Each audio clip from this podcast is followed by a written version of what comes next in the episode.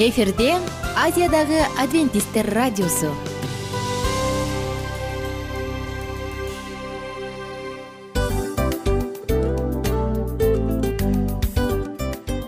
Достор салют. Баардык сүйүктүү угармандарыбызга салам айтабыз. Кутман күнүңүздөр менен. Ден соолук өмүрдүн булагы демекчи саламат саамы программасында баарыңыздарды көргөнүбүзгө абдан кубанычтабыз. Анда алгач амандашып өтөлү арбаңыздар деп. Ден соолугуңуздар кандай элибизде көбүнчө ден соолук кандай дегенде эле жакшы деп жооп беребиз жооп ооруп турсак дагы жакшы дейбиз. Анан мен муну айтып ойлойт элем бул абдан сонун сөз депчи анткени бул жакшы деген үмүт да ооба баары жакшы болот. Баары сонун. Деп үмүттөнүп атып эле өзүбүздү өзүбүз дарылап коебуз. Анысы кандай? Сиздин дагы ден соолугуңуз жакшы беш деген үмүттөбүз чындыгында ден соолук бул өмүрдүн булагы деп бекеринен айтылган эмес деп ойлойм. Кыргыз элинде анткени эгерде ден соолук жок болсо анда адамдын жашоосунда калган баардык керектүү маңыздуу нерселер өзүнүн баалуулугун жоготуп коет. Ошондуктан ден соолук бул эң керектүү нерсе. Ооба туура айтасың кесиптешим. Чынында ден соолугуң жок бир эки үч күн ооруп калсаң эле кандай болуп калат? Жашоодо көз каранды болуп каласың көп нерсеге жетишпей каласың көп нерсени кыла албай каласың жада калса эшикке дүкөнгө да чыга албай каласың. Туптуура анан ден соолук болсо демек биз биздин бактыбыз тоодой деп койсок болот. Анда достор саламат саамы рубрикабызды баштайлы. Алдыда өзүңүзгө керектүү болгон сонун кеңештерди уга аласыздар. Мына ошондуктан биз менен бирге болуңуздар. Ал эми биз болсо милан жана айнура.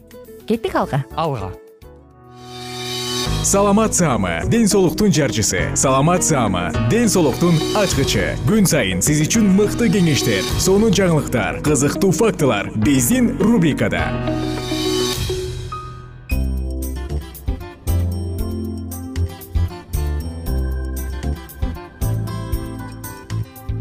Салам достор биздин угармандарыбыздын баардыгына кайрадан ысык салам айтабыз дагы. Жагымдуу саатыбызды баштадык сиздер менен бирге достор бул саат бул учурда бирге талкуулап бирге сүйлөшө турган сонун темабыз бар. Бул тема салмак кошуу деп аталат.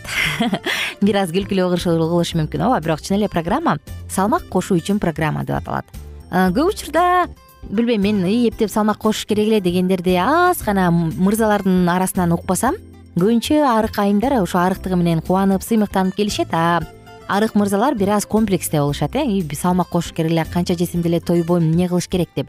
Анда бүгүн сиздердин кулагыңыздарга күмүш сырга болсун анткени бул сырларды баары эле айта бербейт а мен болсо сиздерге алдыда айтып берем. Ошондуктан биз менен бирге болуңуздар.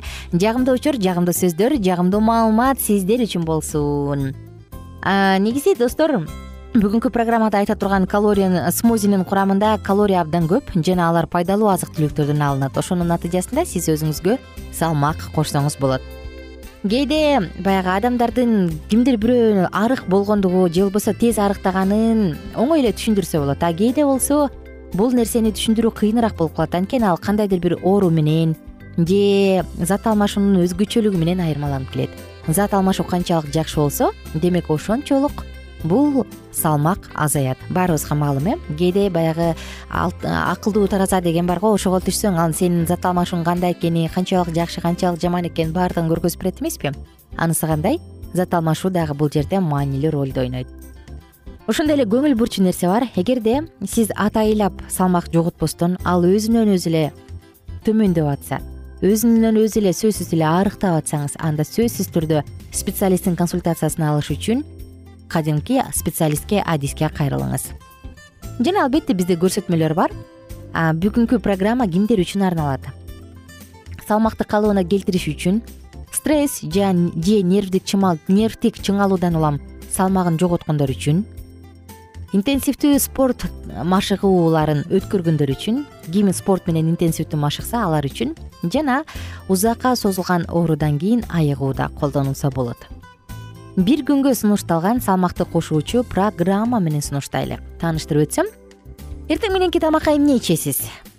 Таттуу тынчтык деп аталган смузи анын курамында банан клубника кокос сүтү өндүрүлгөн буудайдын буудай бал жана сулуу сүтү. Эки жүз элүү миллилитрдин курамында эки жүз жыйырма төрт калорий бар. Ошондой эле анда табигый сахар витаминдер бар. Алардын баардыгы нерв системасын тынчтандырат экинчи завтрака. Жаңы энергия деп аталган смузини сунуштайбыз. Сизге соя йогурт керек. Соя йогурту клубника ананас ширеси жана миндаль пюреси керек. Эки жүз элүү миллилитрдин курамында жүз жетимиш алты калорий бар. Булардын баардыгы тең азыктандыруучу жана балансташылган белоктун курамына бай болгондуктан анда витамин жана минералдар көп. Түшкү тамакка келдик түшкү тамакта бийик калориялуу смузини сунуштайбыз. Мында сизге керектүү нерселер ингредиенттер соя сүтү сулуу үлпүлдөгү финик миндаль пюреси клубника жана меласа эки жүз элүү миллилитрдин курамында эки жүз сексен төрт калорий бар. Булардын баардыгынын курамында углевод белок жана майлар баардыгы тең идеалдуу пропорцияда болгондуктан витамин антиоксиданттарга бай келет түштөн кийинки тамакта антидепрессант смузиси деп аталат. Ингредиенттер черника зыгыр уругу өндүрүлгөн буудай миндаль пюреси жана миласа апельсин ширеси. Булардын баардыгы нерв системасын дагы жөнгө салат дагы анан кандайдыр бир депрессия бар боло турган болсо аны жеңгенге жардам берет. Ошондой эле кечки эң соңкусуна келдик. Бул кечки тамак. Бананас экспресс же банан экспресси деп аталган смузини сунуштайбыз күрүч сүтү банан манго өндүрүлгөн буудай корица керек. Майдаланган эки жүз элүү миллилитрдин курамында порциянын ичинде жүз жетимиш жети калорий бар. Булардын баардыгы тең артериалдык кан басымды регулировкалайт. Жана албетте жаңы клеткаларга жаңы ден соолук берет. Жаңы тагыраак айтканда клеткаларды азыктандырат эми достор эгерде сиз салмак кошууну көздөп турсаңыз эмнени эске алышыңыз керек? Биринчи кезекте жетиштүү түрдө калорий жешиңиз керек. Өсүмдүк клетчаткаларын эгерде ал көп боло турган болсо аларды азайтыш керек. Күнүгө бир убакта тамак жеп туруу зарыл. Тамактанып аткан учурда алаксыбай ар кандай сизди тынчсыздандырган нерселерден баш тартуу дагы маанилүү мына ушундай ошондуктан мырзаларга күмүш сырга болсун семире албай жүрөм салмак кошо албай жүрөм булчуң чыгарыш керек эле деген жана албетте айымдарга дагы күмүш сырга болсун.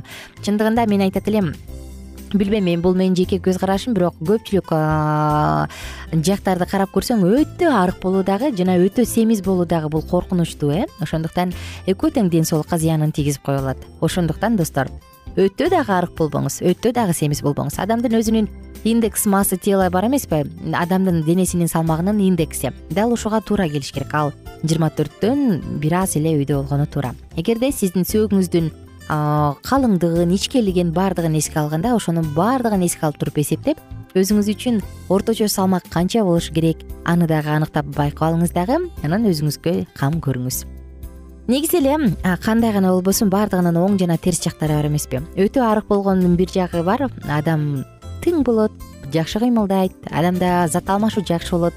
Ал эми начар жагы анын көрүнүшү анда ар кандай оорулар пайда болушу мүмкүн организм истощение болушу мүмкүн э? Мындай дагы коркунучтуу жактары бар. Ошондуктан колдон келишинче дагы бир жолу айтайын. Калорийди керектүү өлчөмдө жеш керек. Өсүмдүк клетчаткаларын эгер көп жесеңиз аларды бир аз азайтыш керек дайыма күнүгө бирдей убакта тамак жеп турганга аракет кылуу маанилүү. Тамак ичип аткан учурда чуркап кетпей сизди бир нерсе тынчсыздандырбай алаксыбай жеген дагы жакшы.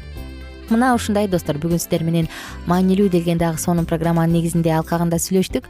Мен сиздерге кааларым оорубаңыздар. Адамдын салмагы ашып баратса бул белден байкалат э эгерде белдин объему жонойуп баратса демек жүрөктө көйгөй жаралып келатканынан кабар берет эмеспи. Ошондуктан оорубаңыздар эч качан бар болуңуздар аман болуңуздар. Сиздер менен коштошом жана кийинки уктурда биз антигипертоникалык программа жөнүндө сөз кылабыз. Кимде кимде кан басым менен көйгөй болсо сиздердин баарыңыздарды чакырабыз. Достор көңүлдүү күн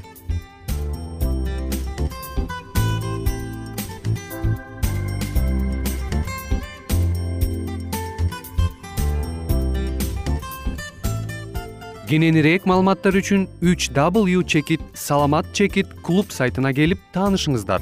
Жана андан тышкары социалдык тармактарда youtube facebook жана instagram баракчаларына катталыңыз.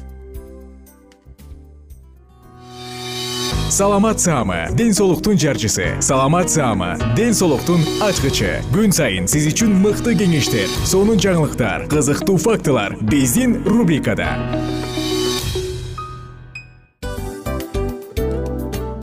салам достор. Кайрадан биздин сүйүктүү рубрикабызга кош келиңиздер деп айтмакчыбыз. Баардык замандаштарыбызга арбаңыздар деп саламыбызды айтабыз. Улуу ушундай бир э, урматтаган учурашуу менен анан дил маек радио баракчабызга чакырабыз. Негизи дил маек биздин рубрикабызда эмне жөнүндө кеп кылабыз бул дил маектин мааниси эмнеде рубрикабыз менен кичине тааныштырып кетсеңиз. Сөзсүз түрдө тааныштыра кетейин кесиптешим суранычы боюнча бул учурда бул радио баракчада биз ар тарап кесип ээлеринен сонун кеңештерди алабыз сүйлөшөбүз сырдашабыз. Аталарыбыздын эжелерибиздин апаларыбыздын кеңештерин угабыз айтор. Жан дүйнөгө адамдын э, сапатына адамдын деги эле адам болуп жашашына керектүү баардык кеңештер алдыда. Негизи э, дил маек дегенде баягы эки адамдын ортосундагы сырдашуу кенен сүйлөшүү. Негизи эле биз адамдар бири бирибиз менен бир жерге жай жерге отуруп алып өзүнчө тынч э, жашоо жөнүндө өмүрүбүздө эмне болуп атканын бөлүшкөнү жакшы көрөбүз э адамдар. Ооба туура айтасың анан мындай учурга кээде убакыт да жетпей келет э? Же болбосо сырыңды кайгыңды муңуңду кубанычыңды айткың келет а адамга ишенбешиң мүмкүн. Ооба. А бул радио баракча угармандарыбыздын чыныгы досу. Анткени бизден алган кеңеш сиздин жашооңузга чоң жардам берет. Ал эми сиздин бизге айта турган сөзүңүз ортодо гана сыр бойдон калат. Ошондуктан биздин дил маек рубрикабызга дагы бир жолу кош келиңиздер. Жана биз даярдаган маалыматтарга даяр болуңуздар. Айнура жана милан сиздер менен бирге алдыга кеттик ар түрдүү ардактуу кесип ээлеринен. Алтын сөздөр жүрөк ачышкан сыр чачышкан сонун маек. Дил маек рубрикасында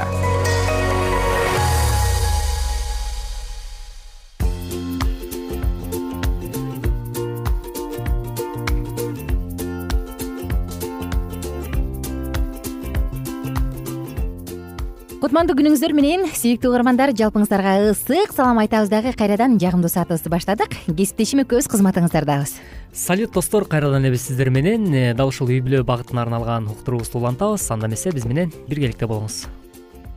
Биз биз биз дегенде эле ким дей турган болсоңуз албетте. Кызматыңыздарда улан жана айнурабыз. Э, биз үй бүлө темасына арналган үй бүлөдөгү конфликттерди кантип чечиш керек? Мына ушул жөнүндө сөз кылып атканбыз. Анан кесиптешим сонун айтканда конфликтти чечүүнү билген жакшы деп э? Анысы кандай? Конфликтти кантип чечиш керек кандай кылыш керек? Мына ушул тууралуу дагы алдыда сөз кылабыз кээде э? Уруштун сөзүн сүйлөбө урушпай эле коелучу деп кача турган болсок албетте бул конфликттин чечүүсү эмес. Анан мурунку уктурууларда биз чечүүдө эмнени эске алыш керек деген сонун нерселерди айтканбыз э тууган урукту аралаштырбаш керек. Кайсы бир сөздөрдү лексикондон алып салыш керек.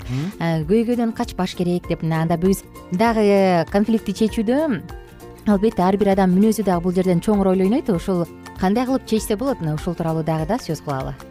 Албетте э, жогоруда кесиптешим айтып өткөндөй эле кадырман радио угармандар биз ушул конфликттин алдын алууда деги эле андан э, качпаш керек деп э, айтып өттүк.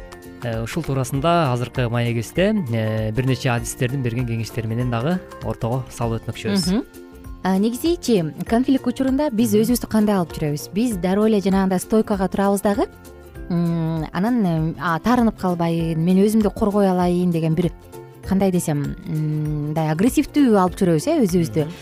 Бул учурда дагы конфликт учурунда адам өзүн кандай алып жүрөт ушул жагдайда? Бул дагы абдан маанилүү экен. Тагыраак айтканда эгерде сиз конфликтти каалабасаңыз дейт анда гибкий ийкемдүү болуш керек дейт да. Элестетип көр а мүмкүн ооба менин айтканым туура эместир деп дароо ийкемдүү болуш керек дейт. Э, компромисс издеш керек дейт мындай учурда.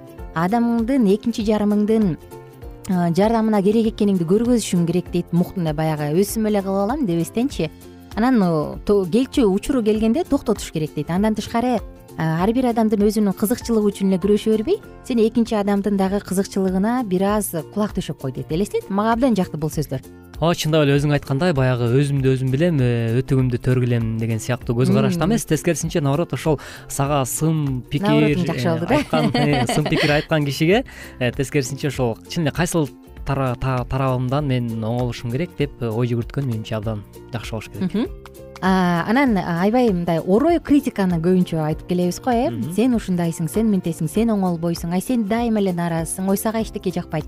Ой сен деп туруп ушундай оор критиканы таптакыр колдонбой эле койгон жакшы дейт. Анын ордуна бири бирин күнөөлөбөстөн сүйлөшкөн жакшы дейт да. Мисалы сен дайыма эле сен сен айтпадыңбы сен кылбадыңбы? деп эмес. Мүмкүн менин айтканым туура эмес болгондур. Мүмкүн мага ушундай сезилгендир бирок мен жакшы болушун каалагам деп тескерисинче баягы төрт манжаңды өзүңдүн тарапты көздө көргөзүп анан экинчи адамды күнөөлөбөгөн жакшы дейт. Ооба абдан туура айттың чындап эле айрым бир үй бүлөлүк э, психологдор да айтып өтөт экен. Негизи эле ошол жогоруда кесиптешим айтып өткөндөй эле э, сөзсүз түрдө баягы бири бирибизди жемелеп деги эле сен оңолбос болдуң го дайыма эле сен ушинте бересиң деп айтуунун ордуна тескерисинче бири бириңер менен болуп аткан мамиледе сөзсүз түрдө ошону мындай тынчтык жол менен чечкенге аракет кылгыла дейт да. Мисалы бул жаатта сөзсүз түрдө диалогко баргыла дегенди айткылары келет экен психологдор ушундай кеңеш берет экен ушуну психологиялык тилде унчукпаган стена унчукпаган дубал деп атап коюшат экен да. Бул ушул үй бүлөлүк жашоодо пайда болгон нерсе. Сен аябай сонун айттың кимдир бирөө ушул көйгөй туулганда көйгөй жаралганда аны чеч же андан кач ушу эки ыкманы колдонушат экен да.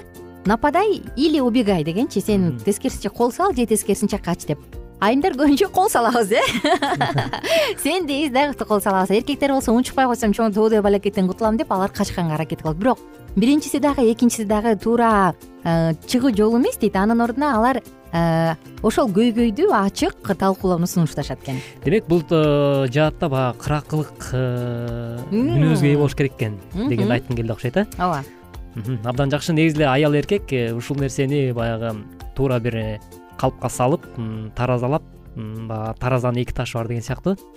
Туура баланс кыла турган болсо анда сөзсүз түрдө мындай жакшылык үмүт мындай жанданат го деген ойдомун да менчи туура ошондой эле биз урушуп атканда бизде ага чейин жашап келген уулуу ойлор болот экен да. Уулуу чагып алсаң өлүп калат го адам уу жылан заар тилдүү деп коет э заар тилдүү ушундай ойлор болот экен да. Тагыраак айтканда ошол адам жөнүндө жаман ойлоп ойлоп ойлоп ойлоп келип туруп аягында атырылып чыгат экен да. Бул нерседен кутулган жакшы дейт. Ал мисалы жолдошуңа ачууң келип атса анын болгон жаман жагын жаман нерселерин ойлобой аялыңа ачууң келип атса анын жаман жагын анын кемчиликтерин баарын эсептеп чыкпай. Тескерисинче анын баарын токтотуп туруп жакшы жагын ойлоп эмне себептен мындай кылдык экен аракет кылып анан сүйлөшүүдөгү ушул пессимисттик шаблондордон качкан жакшы экен да. Сен сен деп күнөөлөбөстөн качкан туура дейт. Чындап эле туура айтып өттүң ал эми ошол эле үй бүлө багытында баягы конфликттин алдын алуу жаатында ошол үй бүлөлүк кеңешчилер дейбизби бүгүнкү күндө айтканда баягы семейный психологдор дагы мындай кеңеш беришет экен мисалы аял менен эркектин ич ара бири бири менен келишпестик болгон учурларда ачуулук сезим адамдын ошо ички жан дүйнөсүндө баягы реакция деп коебуз го орусча айтканда ошол нерсе ойгонуп баштаган учурда аял болобу эркек болобу ичинен э, кандайдыр бир э, сандарды атап санап баштаганы жакшы дейт да. Мисалы бир эки үч төрт деп ошол учурда өзүңдү тынчытып э, санап баштасаң бул дагы абдан бул көйгөйдөн чыкканга чыгуу жолунун бир ыкмасы. Экен терең дем алып. Ооба. Деп ушундай кеңеш беришет экен жакшы эми чечүүдө баягы жөнөкөй мындай тынч күндөрдө кадимки күндөрдө мамилелердин мамилелердеги баягы суунун алдындагы таштар жөнүндө ойлонуш керек экен да. Мисалы келинчегиң келип улан кандай иштеп келдиң десе жакшы деп койсоң дейт ал да мындай бир таш суунун түбүнө топ бүтүп барып түшөт экен да ойлоно баштайт экен да эмне мынтип калган деп. Экинчи күнү дагы улан чай ичесиңби? десе сен жок ичпейм деп койсоң анын баягы тараза салмагы ого бетер көбөйө баштайт экен да ошол анан ушинтип ушинтип ушинтип отуруп уруш чыккан маалда сен билесиңби баягыда ошо ошондо эле сен ушундай болгон турбайсыңбы деп күнөөлөө башталат экен да? Ушул сыяктуу таштарды чогултпаш үчүн дейт. Ар бир нерсени убагында айткан жак экен. Э, биздин убактыбыз соңуна келип калды. Ушулар тууралуу биз кийинки уктурууда кандай айталы? Негизи конфликт учурунда эмне кылыш керек? Мына биз бул тууралуу дагы кенен сөз кылабыз. Сөзсүз түрдө ал эми урматтуу угармандар бизге бөлүнгөн убактыбыз да өз соңуна келип жетип калды. Кийинки бөлүктө биз албетте кызыктуу э, маалыматтар менен бөлүшмөкчүбүз. Биз менен бирге болуңуздар. Жалпыңыздарга көңүлдүү күн уруш болбосун. Уруш эмес жөн гана конфликт жана аны толеранттуулук менен түшүнүктүүлүк менен маданияттуулук дипломаттык түрдө чечүүнү үйрөнөлү. Бар болуңуздар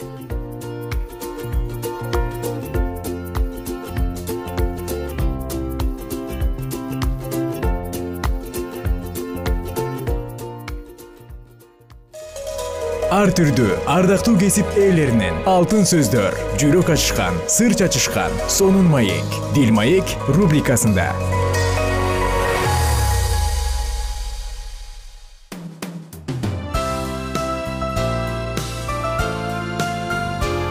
Эфирде азиядагы адвентисттер радиосу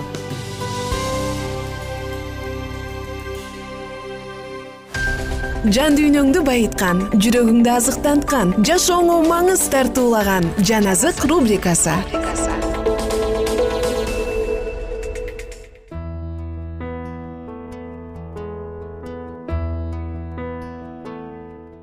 салам достор. Жалпы угармандарыбызга ысык салам айтып биз сиздер менен кайрадан жагымдуу саатыбызды баштадык. Э, жан азык радио баракчасы. Амансызбы ардактуу угарман? Кайрадан эле жакшылыктан эч убакта күдөрү үзбөңүз деген тилек менен маегибизди улантабыз. Э, бул тема жамандыкка жакшылык деген тема жана мен сунуштагам э эмне үчүн биз жакшылык кылышыбыз керек деп.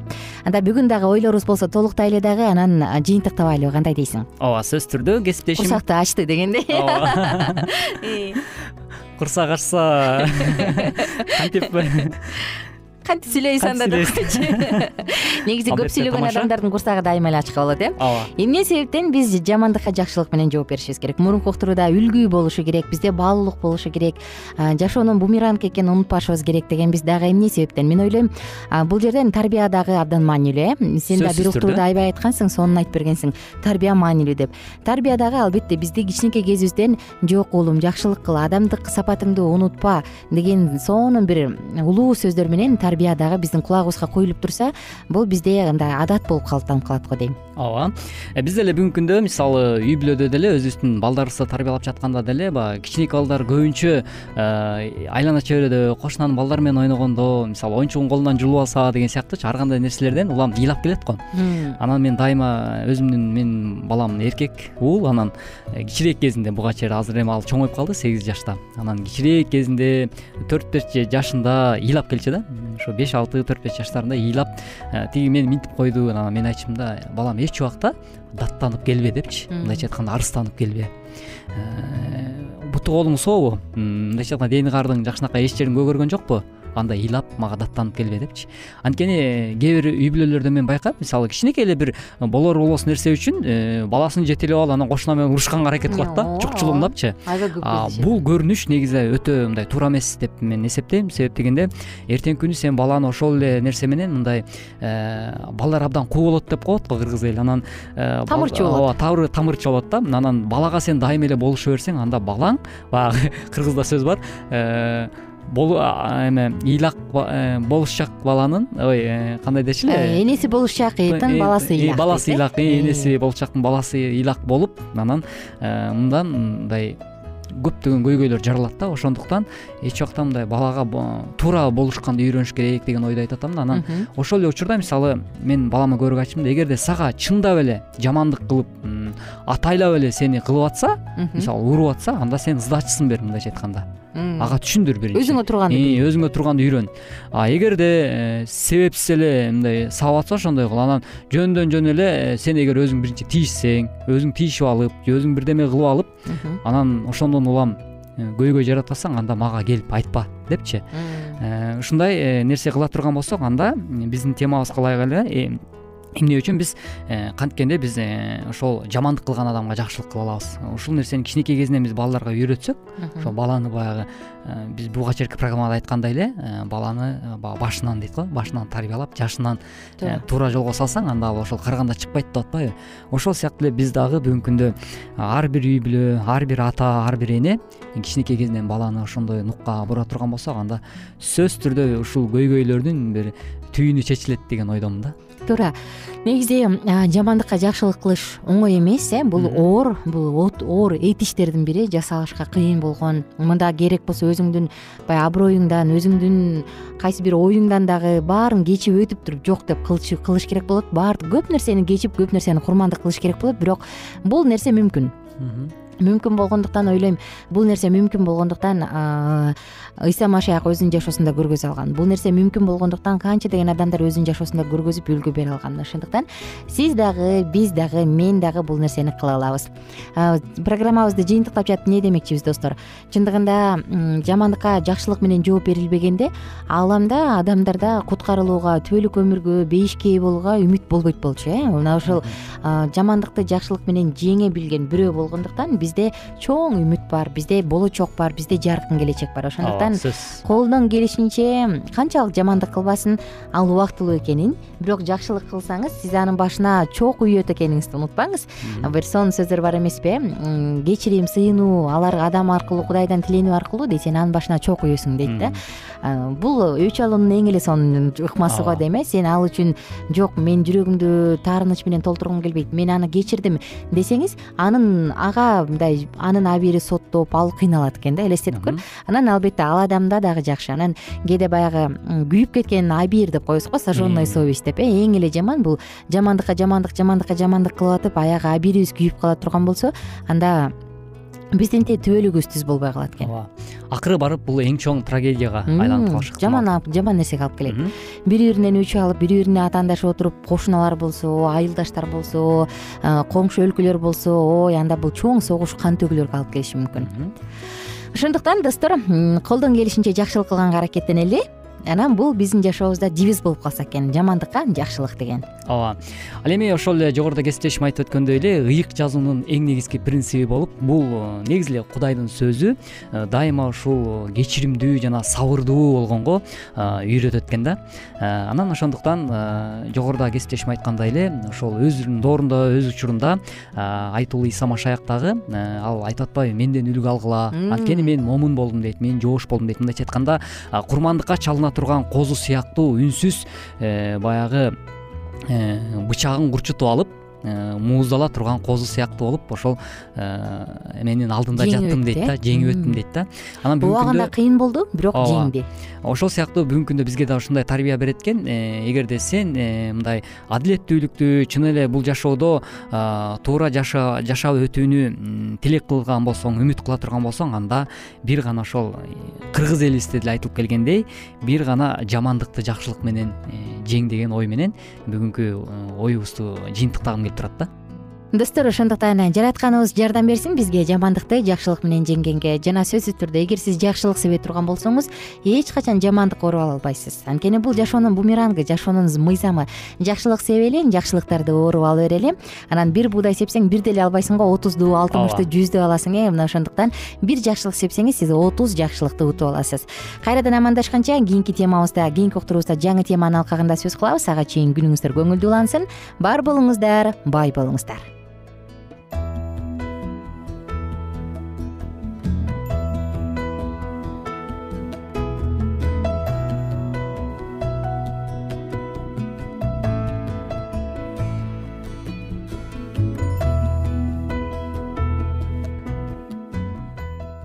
эгер сиздерде суроолор болсо же көбүрөөк маалымат билем десеңиз анда биздин whatsapp номерибизге жазыңыз. Плюс бир үч жүз бир жети жүз алтымыш алтымыш жетимиш. Кайрадан плюс бир үч жүз бир жети жүз алтымыш алтымыш жетимиш